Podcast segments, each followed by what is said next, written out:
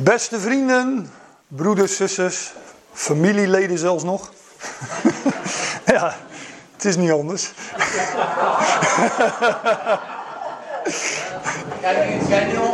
Nee, dat, eh, dat is nu eenmaal zo. Die kies je niet uit, hè. Maar eh, ik wilde zeggen, een, eh, een hele goede morgen. En ehm, ontzettend goed om, eh, om weer bij elkaar te komen. Rondom het woord van God. En ehm, ja, we zijn in, eh, eigenlijk in veel grotere getalen bijeen dan ik eh, verwacht had. Maar eh, hoe meer zielen, hoe meer vreugd, zeggen ze dan. Dus, eh, en dat, nou, dat, dat is misschien ook wel zo. Ehm, ja, ik wil het, ehm, laten we gelijk de koe bij de horens vatten. Ik wil het deze ochtend hebben over, over David. En ehm, ik, eh, ik was vorig, vorige week was ik in, eh, in Den Haag. En daar eh, sprak ik over de geschiedenis van David in Adullam. Jullie vast niet onbekend. Want ehm, ja, ook ik haal die geschiedenis wel eens aan. Meestal zo uit de losse pols. Als voorbeeld en type van, van ons als Ecclesia. Hè, David die zich daar bevindt. Buiten de maatschappij. En ehm, als weliswaar als de gezalfde koning, maar nog geen koninkrijk hebbend. En eh, die zich daar een gezelschap rondom zich verzamelt. Een gezelschap wat dan benoemd wordt als. eh, eh, hoe staat het er ook alweer? En ieder die een schuldeiser had en ieder die benauwd was. En nou ja, allerlei ehm, gepeupel zouden wij zeggen. Of schorrimorri of outcast. Er zijn nogal wat woorden voor. Ehm, en als type van eh, de Ecclesia. En, ehm, Paulus die eh, benoemt eh, ons als Ecclesia ook als in 1 Korinthe 1 als niet, niet vele wijzen, niet vele edelen, niet vele machtigen, nou enzovoort. Maar ik haalde daar deze geschiedenis ook aan. Ehm, de geschiedenis, een geschiedenis ook van David. En ik dacht van ja, die heb ik nog nooit besproken. En ehm, ja, dat vond ik dus een mooie gelegenheid om dat dan eh, vandaag maar eens eh, te gaan doen. Het meeste moeite heb ik gehad met ehm, het eh, verzinnen van een thema of titel, want je wilt toch dat aankondigen. En ehm, ja, ik heb er, ik heb er ook verschillende. Ik heb het ook een paar keer veranderd voor mezelf. En eh, ik had eigenlijk geen, ene, geen één titel dat ik dacht van nou, eh, dat- is hem. Kijk, als ik in mijn eh, bijbeltje kijk, staat er boven, het, is, het gedeelte is 1 Samuel 21 vanaf vers 11. Dan staat er boven David te Gad. Nou ja, dat zegt natuurlijk niet zo heel veel. Van, ja, wat deed David daar dan? En hoe, hoe, hoezo was hij daar? En wat is dat dan Gad? Hè, waar is dat dan? En wat is dat dan? Ehm, maar in deze geschiedenis, die eh, wordt over het eh, algemeen gelezen. Ik, eh, ik weet niet of deze, di- dit verhaal vaak in de kinderbijbel staat of op de zondagschool, de bekende zondagschool, veel verteld wordt. Maar in deze geschiedenis is David in de Filistijnse plaats Gad. En daar doet hij een aantal dingen. En ehm, de Filistijnse koning, die, die denkt van ja, die, wat, wat is dit voor gek joh. En ehm, ah, ik zal straks de geschiedenis even lezen voordat we het eh, gaan, eh, gaan uitpluizen, zeg maar. Maar hij zegt dan van ja, ik heb aan gek, ik heb, aan gek heb ik geen gebrek hier, eh, zegt hij. Dus eh, wat moet ik met deze gek? Nou, en de vertalers hebben zich daar eigenlijk bij, neer, bij, bij aangesloten dat David zich gedroeg als een gek. En, van, en dus ook de vertalers hebben David voor gek verklaard. Dus vandaar eh, het thema van, eh, van deze ochtend, David voor gek verklaard. Maar de vraag was, de vraag is, was David wel gek? Deed hij wel eh, zo gek als men hem toedicht? Nou, daar moeten we het eens over hebben. En ehm, ik zal mijn oplader even in de laptop doen, anders krijgen we dat soort problemen weer. Nou, daar gaan we dus over hebben. Maar, maar laat ik eerst die geschiedenis even lezen. En eh, ter waarschuwing, ik lees het uit de herziene statenvertaling. Dat is dus een bijbelvertaling die ook, ook een bijbelvertaling die David voor gek verklaart. Maar had ik uit de, staten, de normale, de oude statenvertaling gelezen, of de NBG-vertaling, dan had ik het, eh, hetzelfde ehm, probleem gehad. Dus eh, ik heb er maar gewoon één uitgekozen. 1 Samuel 21, ik lees vanaf vers 10 tot het einde van het hoofdstuk, dat is uh, vers 15. David stond op en vluchtte op die dag voor Saul. En hij kwam bij Agis, de koning van Gad. Maar de dienaren van Agis zeiden tegen hem: Is dit niet David, de koning van het land? Zong men van hem niet in beurtzang bij de rijdansen? Saul heeft zijn duizenden verslagen, maar David zijn tienduizenden. David nam deze woorden ter harte en werd zeer bevreesd voor Agis, de koning van Gad. Daarom vertrok hij zijn gezicht voor hun ogen en gedroeg hij zich in hun handen als een waanzinnige. Hij krabbelde aan de deuren van de poort en liet zijn speeksel in zijn baard lopen. Toen zei Agis tegen zijn dienaren: Zie, u ziet dat de man krankzinnig is. Waarom hebt u hem bij mij gebracht? Heb ik gebrek aan krankzinnigen dat u deze man gebracht hebt om zich bij mij zo krankzinnig te gedragen? Moet deze in mijn huis komen? Ja, dat is dus uh, de geschiedenis van uh, David die zich uh, als, een, als een gek gedraagt. Dus volgens de vertalers dan. Laat ik jullie eerst nog even in vogelvlucht meenemen naar het boek 1 Samuel, naar de geschiedenis van David, om ook wat, wat context te geven, want we vallen hier natuurlijk zomaar in, in 1 Samuel 21. In het boek 1 Samuel, daar begint dus de geschiedenis van, van, van, van Saul. Hè. De, Saul was de eerste koning. En in 1 Samuel 9 lees je dat Saul tot koning gezalfd wordt. En dan, uh, ja, dit is een vogelvlucht, hè, dus in, van hoofdstuk 10 tot 15 de geschiedenis van, van Saul. En in hoofdstuk 16 wordt David door Samuel tot koning gezalfd.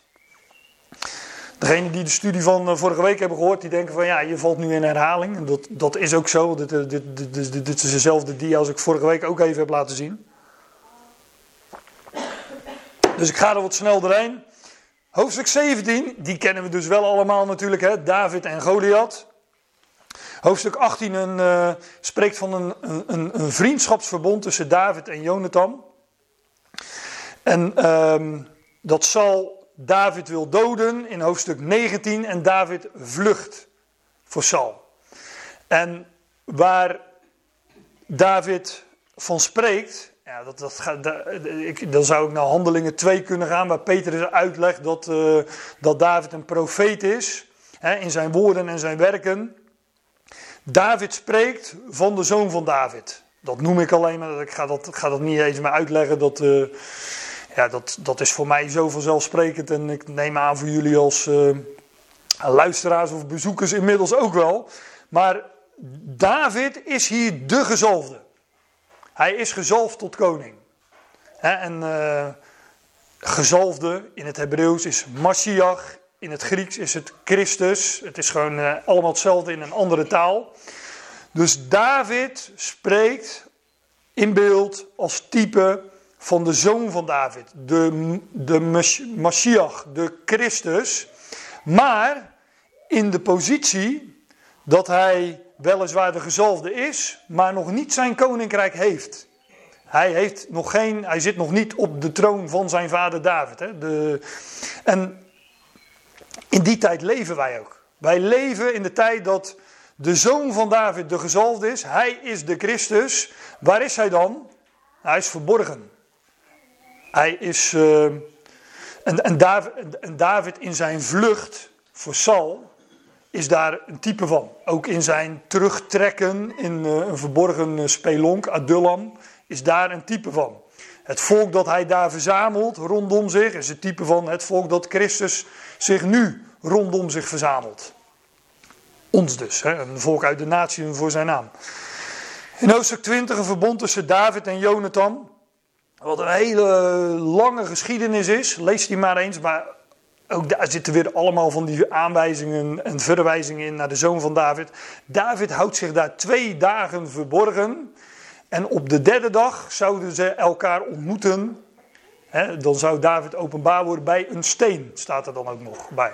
Nou, zoek dat maar eens na. Dan komen we in hoofdstuk 21, dat is dus het hoofdstuk waaruit ik zojuist heb gelezen. David in die Filistijnse plaats Gad bij koning Agis. Maar daarom, daaraan vooraf gaat ook nog een geschiedenis. David en de toonbroden. En in die geschiedenis heeft David honger en zijn manschappen hebben honger. En hij gaat dan tot de tabernakel. David, de man uit Juda, de gezalfde koning, gaat tot de tabernakel en gaat daar, ja, hij komt daar om toonbroden eh, op te halen. Broden op te halen, maar dat waren toonbroden. En die waren geacht alleen door de priesters gegeten te mogen worden. En priesters waren uit de stam van Levi. En ook daarin is David een type van de Heer Jezus Christus, de zoon van David, die koning en priester is, maar niet volgens het oude verbond, maar volgens een uh, andere orde, namelijk naar de orde van Melchizedek. En degene die hier uh, vorige keer waren, toen hebben we het laatste, nou ja, het laatste deel van Psalm 110 besproken. En dat ging daarover. Hè? Dat Christus hoge priester is, verborgen in het heiligdom aan Gods rechterhand. En uh, hij is koning, priester naar de ordening van Melchizedek. En dat beeldt David ook uit in die geschiedenis van David en de toonbroden. Ik heb die geschiedenis wel eens uh, besproken. Um, trouwens, die van David en Goliath ook. En dat David gezalfd wordt tot koning ook. En de volgende, David in Adullam, in hoofdstuk 22, die heb ik dus vorige week besproken. Dus uh, ja, uh, ik zag daar een, uh, een gedeelte dat ik denk van, hé, hey, dat, dat moet ik niet overslaan. Daar wil ik het dus ook eens over hebben. En dat is dus de geschiedenis van David bij koning Agas in Gad, de Filistijnse plaats Gad. Nou, daar gaan we het dus uh, nu over hebben. Zover de, de inleiding, een beetje context, een beetje setting geven aan, uh, aan het gedeelte dat we bespreken. En David stond op en hij vluchtte in die dag weg van het aangezicht van Saul en hij kwam bij Agis, koning van Gad. Gad is uh, een van de vijf Filistijnse steden. Dat uh, vind je onder andere in 1 Samuel 6. Maar die, uh, ja, David die, uh, hij, hij, hij, vlucht voor Saul. Hij is dus op de, op de vlucht, uh, positie, een, een, uitbeelding van de positie van Christus in vernedering. En uh, hij gaat naar Gad, maar je, je, je moet je voorstellen, hij, hij komt dus in een Filistijnse stad, waar hij in een plaats komt waar Goliath vandaan komt. Goliath was een, uh, die kennen we allemaal natuurlijk, dat zei ik zojuist al uit 1 Samuel 17. Maar dat is dus een paar hoofdstukken eerder, dat is die Filistijn, die reus, die David had verslagen. En hij komt dus in, in die plaats. Onder de Filistijnen. Hij vlucht voor Saul, maar hij komt terecht uh, ja, bij de Filistijnen. En bij ene koning uh, Agis, of Akis, zeggen andere vertalingen. In, en die, was, die was koning van dat plaatsje. En de dienaren van Agis zeiden tot hem: Is deze niet David, koning van het land? Wat natuurlijk heel apart is, want David was de facto niet de koning van het land, want dat was Saul. En ik kan me dan toch niet aan de indruk onttrekken dat David in Israël niet erkend wordt als koning, maar hij komt onder de natieën in, in het buitenland, hè, onder de Filistijnen. En daar herkennen ze hem wel als koning. En dus hij, hij, is geen koning in Israël op dat moment, want dat was hij nog niet, dat was Saul nog steeds. Maar hij wordt dan wel uh, erkend onder de natieën. Zo, zo, is het nu ook in deze tijd. Waar is Christus? Colossense 1. Christus onder jullie natieën, zegt uh, Paulus, Paulus tot de, tot de Colossensen. De dienaar van Agis zeide tot hem, is deze niet David, koning van het land? Is deze niet degene die zij bezongen in de rijdansen, zeggend, Saul versloeg zijn duizenden en David zijn tienduizenden. Als je dat overigens opzoekt in uh, 1 Samuel 18, lees je ook dat, dat eigenlijk dat het moment was voor Saul, dat hij dacht van hé, hey, die David, daar, uh, daar, moet, nou, daar moet ik voor oppassen. Hij, hij wilde hem natuurlijk uiteindelijk uit de weg ruimen. En uh, nou, daar gaat die hele geschiedenis uh, voor de rest ongeveer over van de David die op de vlucht is voor Saul. Dus David die wordt daar, ja, je, moet je voorstellen, David is daar in het hol van de leeuw, in de Filistijnse plaats Gat, waar je reus vandaan komt die hij uh, verslagen had. En daar, hij, hij, was op de vlucht voor Saul. Hij dacht waarschijnlijk van, nou, daar kan ik wel naartoe gaan, want daar kent niemand me. En dan wordt, daar wordt hij herkend.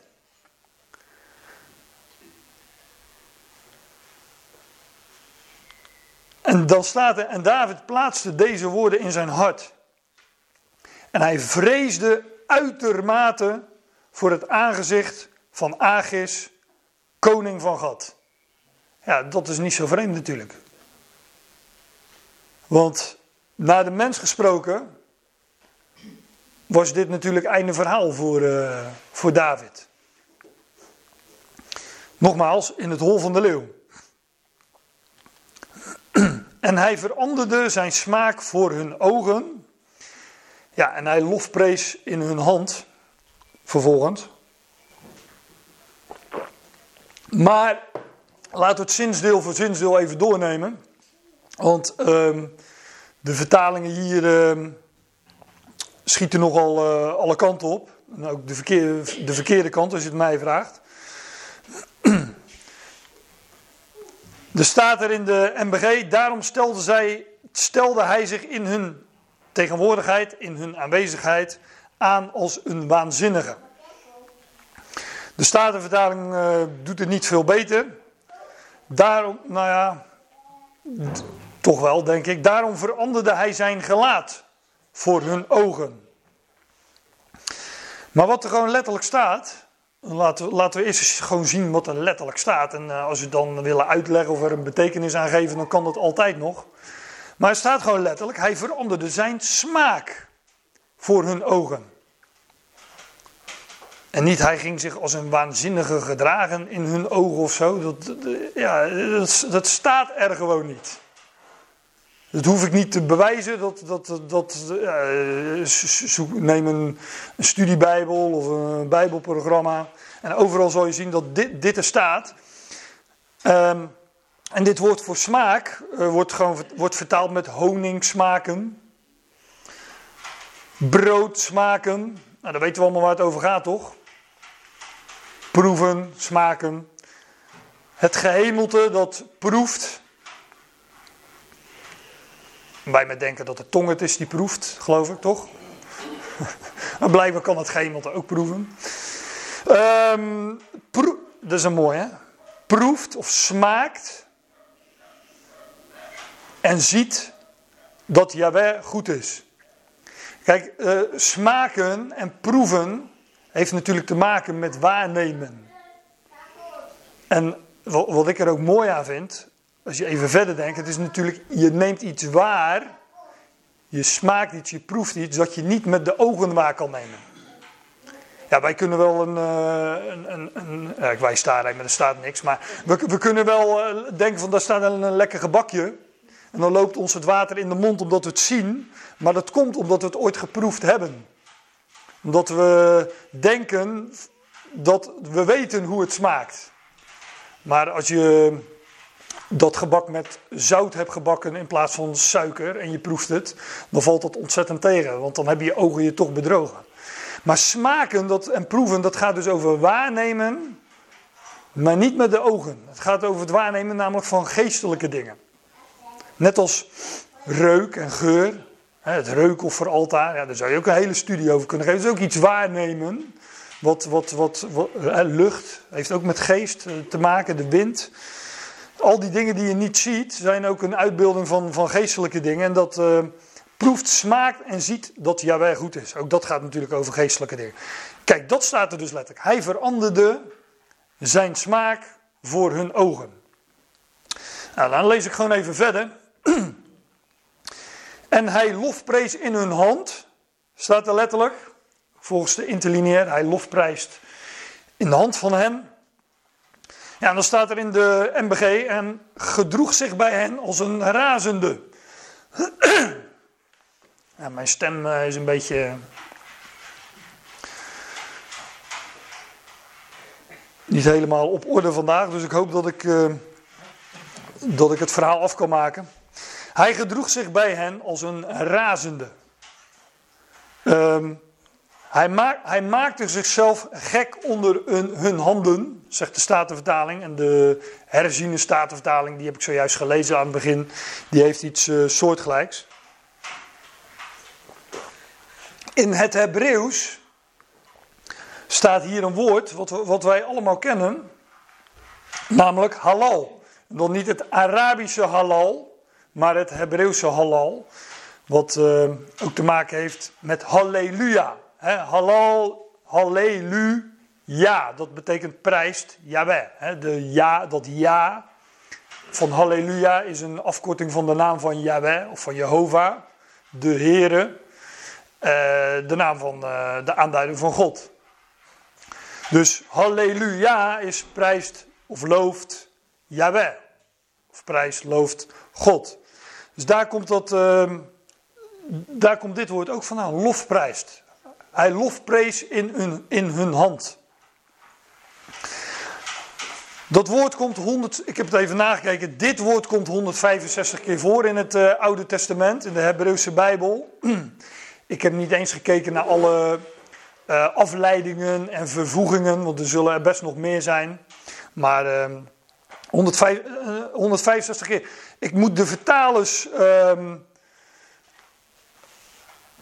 in, ter verdediging van de vertalers moet ik wel zeggen dat het een enkele keer wel vertaald wordt met bijvoorbeeld tieren en razen. God doet waar, zeggen ze, razen. Dat, dat halal, he, of halal, daar hebben we het nu over. God doet waar, zeggen ze, razen. De natieën tieren en strijdwagens razen. En enkele keer wordt het dus um, negatief vertaald. En dan, um, ja, een, lofprijzing is natuurlijk, ja, hoe leg je dat uit? Een enthousiaste uitdrukking. Maar he, met hart en ziel. Maar wanneer de natieën tieren, doen ze dat ook met hart en ziel. Alleen dan is het wel iets anders dan, dan lofprijzen. Dus blijkbaar zit daar, is dat woord ja, wel breed genoeg om. Uh, of misschien is het wel een bepaalde vervoeging van dat woord. Wat, dan toch negatief opgevat kan worden. Maar ik heb te weinig verstand om, uh, van Hebreeuws. Om daar uh, verder uitspraken over te doen. Maar eerlijkheidshalve wil ik dit er wel bij zeggen. Want uh, alleen wat je zou moeten doen als vertaler is niet slechts naar dit woord kijken, maar ook kijken wat zegt de schrift nog meer over deze gebeurtenis. Van David bij koning Agas. Sterker nog, wat zegt David er zelf over? Want wij weten dat David nog wel meer uh, ook nog wel een en ander geschreven heeft. En we vinden zijn woorden in de psalmen. En er zijn nogal wat psalmen die te koppelen zijn aan gebeurtenissen in het leven van David. Neem bijvoorbeeld uh, Psalm 18 is een mooie, dat is een lange psalm. Er staat boven, psalm van David toen hij vluchtte voor zijn vijanden en voor Saul. Uh, en ook in andere psalmen vind je dat terug, dat David zegt van, uh, dat hij dat geschreven heeft toen hij vluchtte voor Saul. Soms nog een uh, nadere aanduiding erbij, zodat je dat nogal specifiek kan, um, naast elkaar kan leggen. En dat is dus met deze gebeurtenis ook zo. David heeft twee, maar liefst twee psalmen geschreven naar aanleiding van deze gebeurtenis bij koning Agas. Dus, we gaan gewoon kijken wat David er zelf over zegt. Of hij zich echt als een gek is gaan aanstellen en uh, als een razende wet in hun handen. Of dat David, of, of dat David zegt van ik, ik was in hun handen en ik lofprees in hun hand. Ik ga eerst naar die psalmen en dan komen we zelf weer terug bij het gedeelte in 1 Samuel 21. Van David, toen hij voor Abimelech zijn smaak wijzigde. Ja, dan moet ik ook iets uitleggen. Abimelech is geen naam. Die man heette Agis. Maar Abimelech is zeg maar een, eh, een aanduiding voor een, eh, een geslacht van koningen. Die, die gasten, die, die koningen, die heten allemaal gewoon, misschien was het wel zijn, uh, zijn titel, Abimelech Agis. Abimelech betekent mijn vader is koning. Um, net als bijvoorbeeld um, uh, dat geslacht van Herodes. Hè. er waren diverse Herodesen. Of um, misschien is het woord tsaar is ook vergelijkbaar met zo'n uh, zo'n titel. In ieder geval was het een, een titel. En dat blijkt ook wel, dat David refereert aan de geschiedenis bij koning Agis. Van David toen hij voor Abimelech zijn smaak wijzigde. Zodat deze hem uitdreef en hij heen ging. Dat hebben we net gelezen. Hè? Die, die, die Agis zei van ja, um, hoe stond het er ook alweer? Ik vind in de Statenvertaling wel leuk staan. Heb ik aan razenden gebrek? Heb ik aan krankzinnige of waanzinnige gebrek? Dat betekent dus ook dat er onder die Filistijnen nogal wat gekken rondliepen, denk ik altijd. Heb ik aan gekken gebrek, zegt hij eigenlijk, dat jullie deze gek bij mij gebracht hebben. Nou, en uh, hij drijft hem uit van uh, weg, met die, uh, weg met die gek. Dus toen, van David, toen hij voor Abimelech zijn smaak wijzigde, zodat deze hem uitdreef en hij heen ging. Te kijken wat David dan zegt. Ik zal Yahweh ten alle tijden zegenen. Zijn lofprijzing, hetzelfde woord dus, halal, halal, zal voortdurend in mijn mond zijn. Nog even terug naar 1 Samuel 21. En David plaatste zijn woord, deze woorden in zijn hart. En hij vreesde uitermate voor het aangezicht van Agis, koning van Gad. En vervolgens dus, wat deed hij? Hij bleef niet, dat, is het hele verhaal. Hij bleef niet hangen in die angst, in die vrees. Bij David ging een lampje branden. Of er gingen belletjes rinkelen, of hoe je het ook wilt zeggen. Maar er gebeurde iets met David. En hij veranderde zijn smaak voor hun ogen. En wat deed David? Hij ging God loven. Ja, en waarom? Dat zullen we straks trouwens ook nog lezen. Kijk, ik weet niet of jullie er wel eens over gedacht hebben. Wij, krijgen al die verhalen meestal van kinds af aan mee, tenminste ik wel. En uh, nou ja, soms, uh, soms denk je daar natuurlijk ook niet al te diep over na. Maar kijk, David was iemand. Toen hij gezalfd werd, dat was het jongste ventje van. De jongste zoon van, van Isaïe. Werd achter de schapen vandaan gehaald. En werd gezalfd tot koning. Vervolgens lees je allemaal dingen over David. Dat ik denk van nou. Je kunt, je kunt wel een gelovige zijn. En op God vertrouwen. Maar die David was wel. Die was eigenlijk wel een beetje roekeloos, zouden wij zeggen. Ik bedoel, gewoon op die reuzel stappen met een, uh, een slingertje en een paar stenen. Later lees je leest nog veel meer over hem natuurlijk. Hè? Ook dat hij. Uh, uh, dat Saul, hij was op de vlucht van Saul en Saul had hem bijna te pakken. En toen lag Saul ergens te slapen in een grot, uh, was het geloof ik. En dan gaat hij een stuk van zijn slip afsnijden. Van zijn, van zijn mantel. Ja, waarom deed hij dat? Nou ja, ook, ook vanwege de typologie en dat het iets uitbeeldt. Maar hij had hem toch ook lekker kunnen laten liggen daar en eh, vervolgens zich uit de voeten kunnen maken om nog wat meer afstand te nemen. Gewoon naar de mens geredeneerd. Nee, David wist, ik ben Gods gezalfde.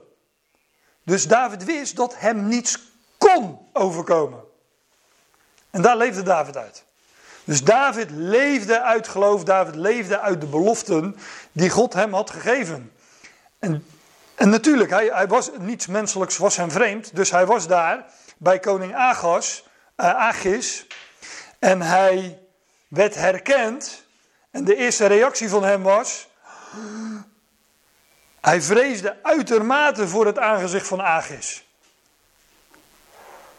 En toen gebeurde er iets met David en hij veranderde.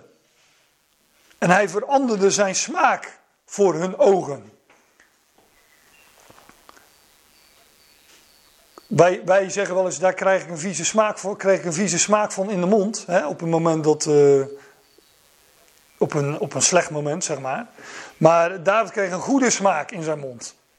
En hij veranderde zijn smaak voor hun ogen en hij ging God lofprijzen. Ja, en Agis dacht, die, die is gestoord. Maar dat was hij niet. Maar hij, Agis zag die verandering en denkt van ja, die vent is helemaal gek joh. Maar David was niet gek. David besefte zich, ik ben de gezalfde van God. Mij kan niets overkomen en al ben ik hier onder vijanden, al willen ze me een kopje kleiner maken, eh, omdat ik die reus een kopje kleiner had gemaakt. Maakt niet uit. Ik ben Gods gezalde, dus mij kan niks overkomen. Dat besefte hij zich en hij ging God prijzen. Hij veranderde zijn smaak voor hun ogen. Ik zal Jaweh ten alle tijden zegenen, hè, goed spreken van. Zijn lofprijzing zal voortdurend in mijn mond zijn. In Jaweh beroemt zich mijn ziel. De nederigen horen het en zij verheugen zich. Maak met mij Jaweh groot. En laten wij tezamen zijn naam verhogen. Ik heb Yahweh ernstig gezocht en hij antwoordde mij. Ja, David was in vrees, uitermate bevreesd voor koning Agis, de koning van God. En uh, David zocht Yahweh en hij antwoordde hem. Jij bent mijn gezalde. Dat is trouwens ook wel leuk hè. um, David Even tussendoor. David betekent Dahoed, de, de geliefde. Dit is mijn geliefde. Dit is, de geliefde, dit is mijn geliefde zoon in wie ik al mijn welbehagen heb. Dit is de gezalfde. Had uh, zei God later tegen de zoon tot de zoon van David. Nou, dat, David wist ook dat hij de gezalfde des Heren was. Ik heb Jahweh ernstig gezocht en, en hij antwoordde mij. Hij heeft mij van al mijn terugdeinzende angsten uitgered. David vreesde uitermate voor het aangezicht van Agis, koning van God. Hij heeft mij van al mijn terugdeinzende angsten uitgered. En hun aangezichten zullen niet te schande gemaakt worden. Deze nederige riep en Jaweh hoorde. Hij redde mij, hij redde hem uit al zijn benauwdheden. De boodschapper, de engel van Jaweh, legert zich rondom wie hem vrezen en hij bevrijdt hem. Nou, David werd daar bevrijd. Dit heeft David dus geschreven naar aanleiding van die gebeurtenis bij die uh, Filistijnse koning, die koning van, uh, van Gad. En dan komt het, smaakt, datzelfde woord, dus smaakt en ziet dat Jaweh goed is. Gelukkig is de man die bij hem toevlucht neemt. En David heeft zijn toevlucht genomen tot God, tot Jaweh. En hij veranderde zijn smaak en hij smaakte, hij smaakte en zag dat Jaweh goed is. En dat Jaweh hem heeft, had gezalfd als, uh, als koning. En dat hem dus niks kon overkomen. Hij zou op de troon zitten en uh, alle beloften die God hem gedaan had. Nou, um, hier eindig ik dus deze psalm. Ook om destijds willen, want deze psalm gaat nog wel verder. Maar uh, ik lees niet verder, maar ik ga nu naar die, ik ga nu naar die tweede psalm die David geschreven heeft. Naar aanleiding van, die, uh, naar aanleiding van deze gebeurtenis. Voor de Psalm 56 is dat. Die ga ik ook niet helemaal lezen want het zijn, uh, uh, zijn ook wel wat, wat langere psalmen. Voor de toezichthouder van David een inscriptie, is ook een leuk in dit verband. Hou die, even vast. Toen de, Filistijn, toen de Filistijnen in Gad hem vasthielden. Deze heeft David dus ook geschreven naar aanleiding van die gebeurtenis in Gad. Wees mij genade, God, want een sterveling hijgt achter mij. De gehele dag verdrukt de bestrijder mij. Want het, zij hijgen, zij loeren op mij de gehele dag. Want het zijn er velen die hooghartig tegen mij vechten. Ja, David had nogal wat uh, lui die hem uh, op de hielen zaten. Hier de Filistijnen, maar ook natuurlijk uh, Saul en zijn, zijn, zijn mensen. Dus het zijn er velen die hooghartig tegen mij vechten. Op de dag dat ik vrees, vertrouw ik op u. Alsjeblieft.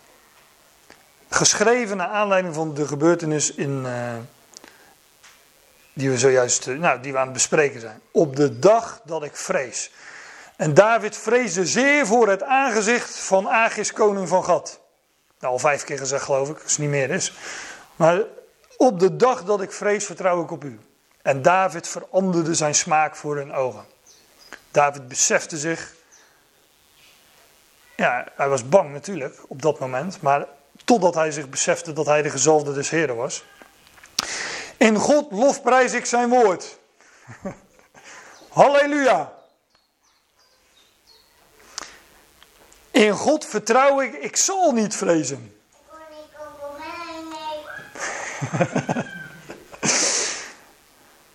Wat zal vlees mij doen? Dus in God lofprijs ik zijn woord, in God vertrouw ik, ik zal niet vrezen. Wat zal vlees mij doen? Dat, dat spreekt David op het moment dat hij zijn smaak veranderde voor, uh, voor hun ogen. Ja, is ook een leuke, dit vers wilde ik eigenlijk overslaan, want ik sla een paar versen over, maar deze is dan voor de vertalers. De gehele dag verdraaien zij mijn woorden. Al hun plannen zijn tegen mij om kwaad te doen. nou ja, ik zeg het, dat is een, een sneer naar de vertalers, maar dat, dat, deden de Filistijnen in principe ook Davids woorden verdraaien. Want hij lofprijsde God en zij zeggen van hij is gek geworden. Nou is dat in de ogen van de wereld natuurlijk ook zo. Als je God lofprijst en vertrouwt op God, ja, dan ben je in de ogen van de wereld ook een gek. Dus in die zin uh, uh, zijn we een goed gezelschap. Want daar, zo werd David dus ook versleten. De gehele dag verdraaien zijn mijn woorden, al hun plannen zijn tegen mij om kwaad te doen. Dan zullen mijn vijanden achterwaarts terugwijken op de dag dat ik roep. Dit weet ik dat God met mij is. In God zal ik het woord lofprijzen. Is die weer, lofprijzen. In Yahweh zal ik het woord lofprijzen. Nou, hier staat dus eigenlijk, ehm, in, de, in deze zin staat natuurlijk halleluja, alleen in, in, een wat andere volgorde. Ik heb de interlineair er niet bij afgedrukt. Maar in God vertrouw ik, ik zal niet vrezen. Wat zal een mens mij doen? Nou, hoe, duidelijk is het wat, wat David geschreven heeft over deze gebeurtenis? Zijn vertrouwen in, in God en dat, dat, hij God ging lofprijzen, dat hij God lofprees in zijn woord. In Jaweh zal ik het woord lofprijzen, enzovoort, enzovoort. En, en dan zegt hij, op mij God zijn uw plechtige beloften. Hij was Gods gezalfde. God had hem ja, Sterker nog, God had hem beloofd dat hij op de troon zou zitten als, als koning. En dat, aan zijn, uh, dat, dat, dat zijn geslacht, zijn dynastie, de, het geslacht was waaruit de Messias zou voortkomen. En Petrus zegt in Handelingen 2, ja, David was een profeet. En David wist dat uit de vrucht van zijn lende, ik citeer nu even de Statenvertaling, uh, de Messias voort zou komen. De, de zoon van David. Dus in die psalmen die, da die Petrus aanhaalt in Handelingen 2, daar spreekt hij niet over David, maar over de zoon van David. Die zou opgewekt worden en zou opstaan uit de doden. Maar David wist, op mij God zijn uw plechtige beloften, voor hem en zijn nageslacht. Dus ja, nogmaals, hij wist, mij kan niks overkomen. Ik zal lofoffers aan u betalen. Want u hebt mijn ziel uitgered van de dood. Dit is niet zomaar dichterlijke, poëtische taal. Dat, dat is het natuurlijk ook. Want ja, uh, David, was, David was ook een poëet. Een profeet en een poëet. En uh, hij heeft niet voor niets al die psalmen, die, die, die, die liederen ook geschreven. En we weten dat hij op de harp speelde. Hij was uh, een muzikaal en creatief iemand. Ongetwijfeld heel, heel poëtisch. Maar dit is niet alleen maar poëtisch, dit, dit is letterlijk gebeurd. David vreesde uitermate voor die koning en zijn laatste uren had geslagen uh, naar de mens gesproken. Maar God redde hem uit. Want u hebt mijn ziel uitgered van de dood. Zodat ik voor het aangezicht van God kan wandelen in het licht van het leven. Ja, en ook hier uh, zet, ik een, uh, zet ik een punt. Maar dit zijn dus de twee psalmen. En lees ze later nog eens helemaal terug. Want er staat, er staat natuurlijk nog meer in. Maar um, ja, dit leek me toch wel ehm, bewijs genoeg om, om, om te laten zien wat David zegt over deze gebeurtenis. Maar de vertalers ehm, maken David tot een, een waanzinnige, een krankzinnige. Maar nou ja, dat staat er dus niet. Hè? Hij uh, veranderde zijn smaak in in hun ogen en hij uh, lofprees in hun hand. Staat er letterlijk, of hij maakte zich tot een lofprijzer in hun hand. En dan staat er, hij maakte tekens op de deuren van de poorten. Dat is wat er letterlijk staat. Dan gaan we weer even de vertalingen erbij pakken, wat die ervan zeggen. Hij bekrabbelde de deuren of de deurvleugels van de poort. Zeggen de uh, vertalingen, Statenvertalingen en NBG.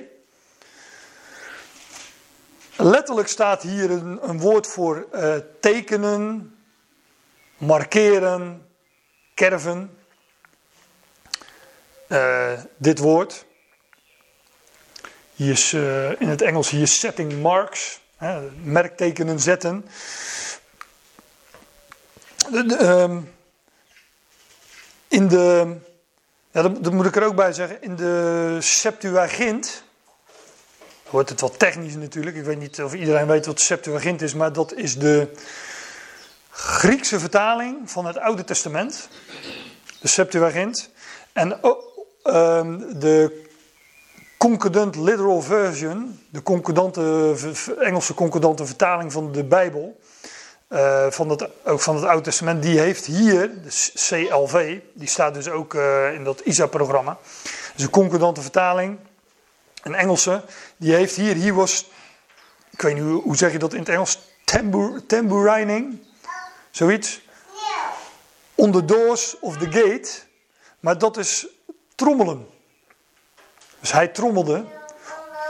in, de, in, de, in de Septuagint en dus ook in de Concordant Version staat dat hij uh, trommelde op de poorten, uh, op de deuren van de poort. Dus uh, hij tekende of hij trommelde. Hij was natuurlijk aan het lofprijzen, dus ehm, nou, ik ken van die mensen die kunnen dan, die hebben ritmegevoel, die kunnen daar een ritme bij maken. Dus ja, misschien heeft hij dat al gedaan, als, eh, als, de, als de Septuagint daar juist is. Dat, dat, dat, zou, dat zou kunnen. Um, als, we de, als we verder kijken, dan dit woord komt nog één keer voor in de Hebreeuwse Bijbel, slechts één keer. En dat is in, uh, in Ezekiel 9. Daar staat, en Jaweh zegt tot hem, ik val natuurlijk middenin, het gaat me echt even alleen om dit, uh, om dit woord. Passeer in het midden van de stad, in het midden van Jeruzalem en markeer een merkteken op de voorhoofden van de mannen die zuchten en kreunen over al de gruwelen die in haar midden gedaan worden. Ik heb het van de week even door zitten lezen. Dit, dit gaat erom, dit is vergelijkbaar met wat je vindt in, um, um, in openbaring, dat er... Uh, uh, ik zeg niet dat, dat het erover gaat, maar het is vergelijkbaar met de 144.000 die verzegeld worden aan hun voorhoofd. Dus zij worden verzegeld met een merkteken. En natuurlijk heeft ook het beest zijn eigen versie. Hè, met een merkteken aan, uh, aan het rechterhand of de voorhoofd. Maar dat is dus ook een, een, een nageaapt iets. Want die 144.000 worden ook verzegeld aan hun voorhoofden. En, zo'n merkteken is dit dus. hier worden um, mannen gemarkeerd, gemerkt met een merkteken om ze te beschermen voor allerlei uh, zaken die gaan gebeuren. Daar laat ik het dan maar even bij. Maar markeren, merken, daar gaat het dus om. Uh, een, een, teken geven. En nou ja, David maakte tekens op de deuren van de poort, of hij trommelde, wellicht. Maar in ieder geval deed hij iets op die deur van de poort. En, en, de, de vertalers zeggen, hij gedroeg zich als een waanzinnig, als een, als een gek. En uh, hij ging aan die, aan, die poorten staan krabbelen. Alsof die, uh, ja, alsof die bij een, uh, een, een, keuring voor militaire dienst stond of zo en er onderuit wilde komen, zoiets. zo ging dat toch vroeger? Dat zal ik al van mijn vader gehoord hebben, denk ik. Uh. Nee, maar S, S, 5 was dat, ja. ja. Ja, ik heb het allemaal niet mee hoeven maken.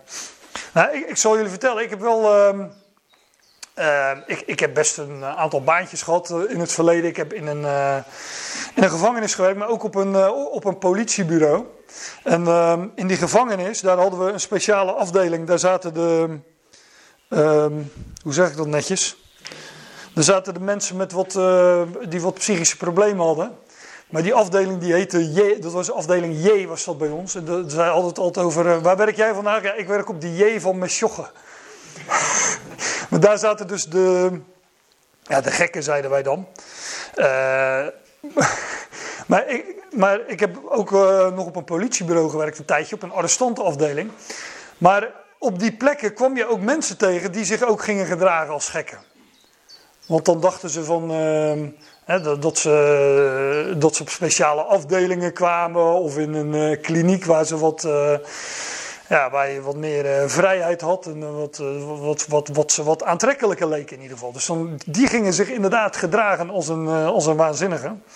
En ehm, ja, dan eh, kwam er eh, kwam er soms ook eh, een ambulance en die nam die, eh, nam die lui dan wel eens mee. Omdat ze met hun hoofd op de, tot bonken op de vloer toe en weet ik veel allemaal.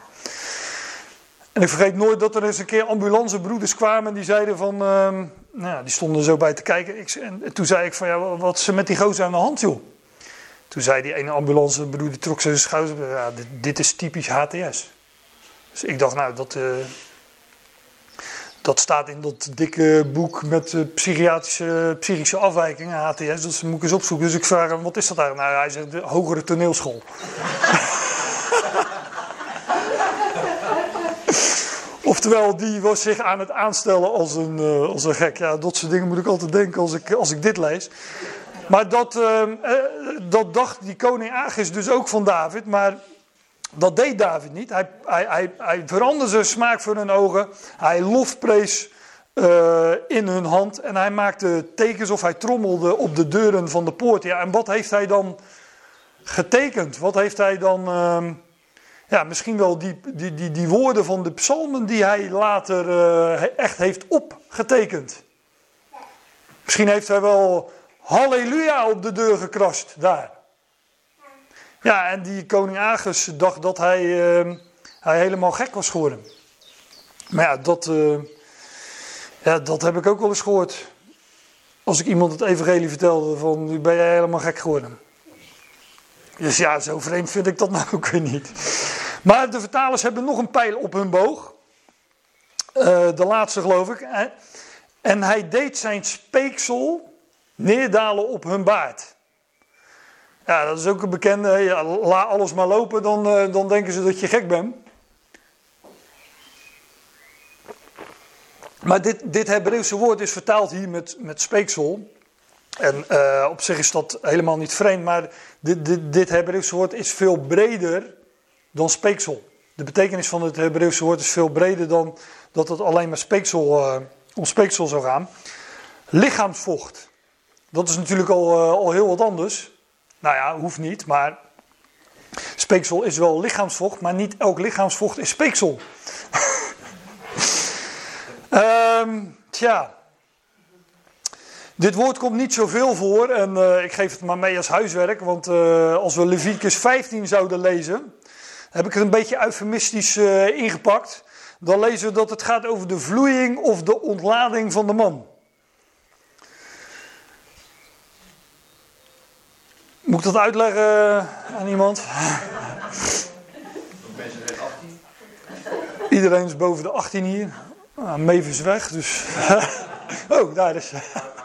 nee, maar die is nog te jong om. eh, Nee, maar ehm, hier gaat het over dat als de man ehm, zijn ontlading of vloeiing, wordt het dan geloof ik vertaald, gehad heeft, dan eh, is hij ook even onrein of zo. Ik, ik, ik weet het niet meer precies, dus ik heb het wel nagelezen, maar het is niet helemaal blijven hangen.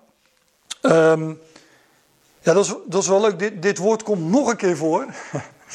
dat is dan ook een beetje eufemistisch volgens mij. Maar daar, daar wordt het vertaald met het eiwit. Maar het eiwit is dat, deel, dat witte deel van het ei dat vloeit. Als je, weet, bakken jullie wel eens een eitje of niet? Nou, dat gele deel, dat voor me, als ik voor mijn dochter een eitje bak, dan moet ik dat gele altijd heel laten, hè, een spiegeleitje maken. Maar dat, dat witte, ja, dat vloeit. Nou, de, dat wit, die witte vloeiing, daar heeft het dus mee te maken. En dan van de man. Ehm, tenminste, daar heeft het mee te maken. Da daar kan het mee te maken. Maar uit het verband moet blijken welk lichaamsvocht het is.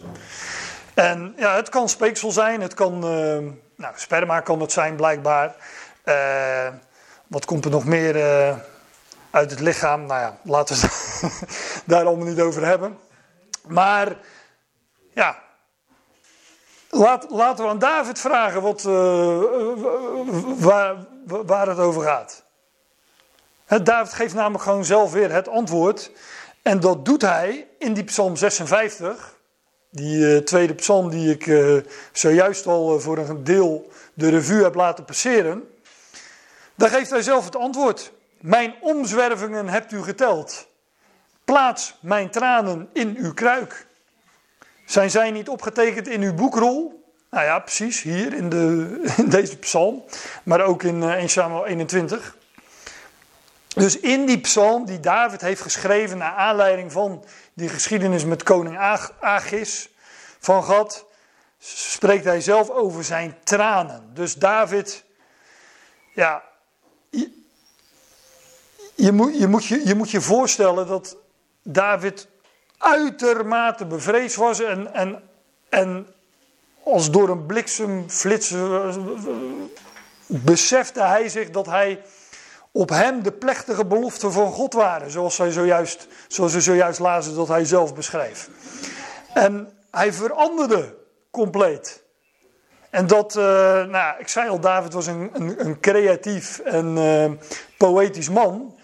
En uh, ik ken ook van dat soort mensen, die zijn vaak ook, ook best emotioneel. ja, en hij heeft zijn tranen de vrije loop gelaten tranen van blijdschap en, en, en, en vreugde. En uh, ja, dat, of dat ook speeksel geweest is. Kijk, ik, ik heb ook wel schuild. We hebben ook wel van mijn fiets gevallen vroeger.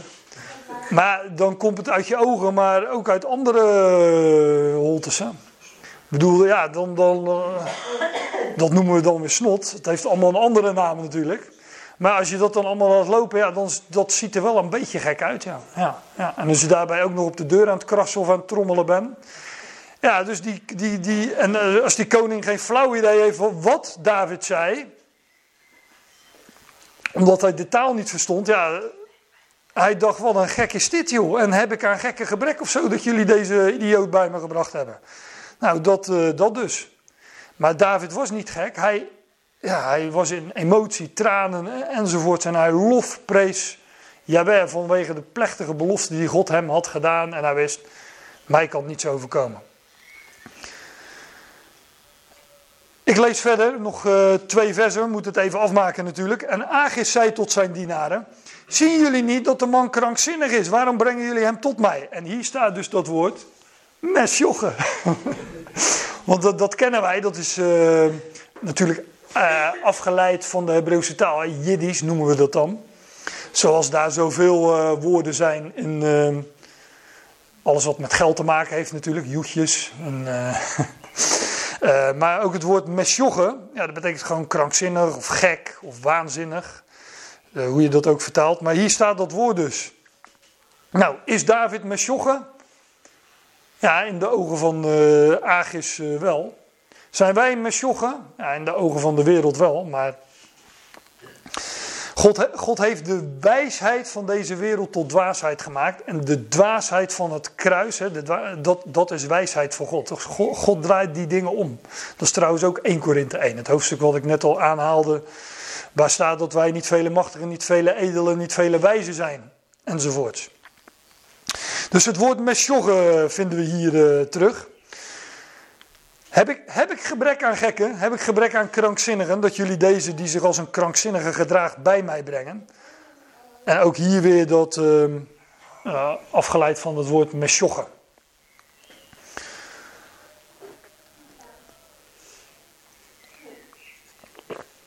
Ja, dat was dus uh, het laatste vers, de geschiedenis. Ik heb nog een paar minuten, tenminste voor de tijd die ik mezelf altijd geef Want ik, ik wil nog wel, dat heb, ik, dat heb ik tot nu toe niet gedaan. Maar ik wil nog wel iets zeggen over de typologie. Nou, dat heb ik natuurlijk wel gedaan, maar meer in mijn inleidende woorden.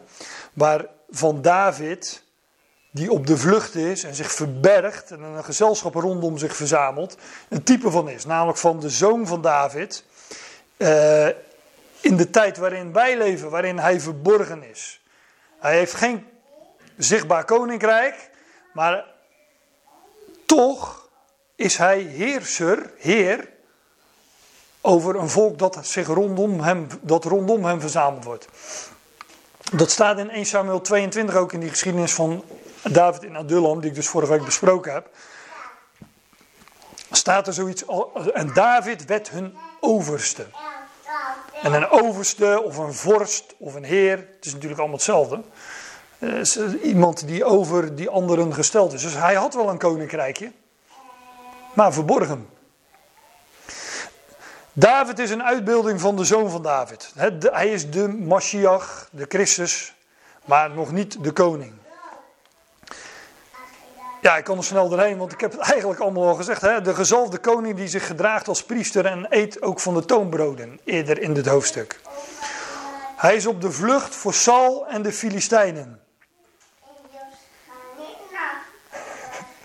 Kon mijn naam noemen.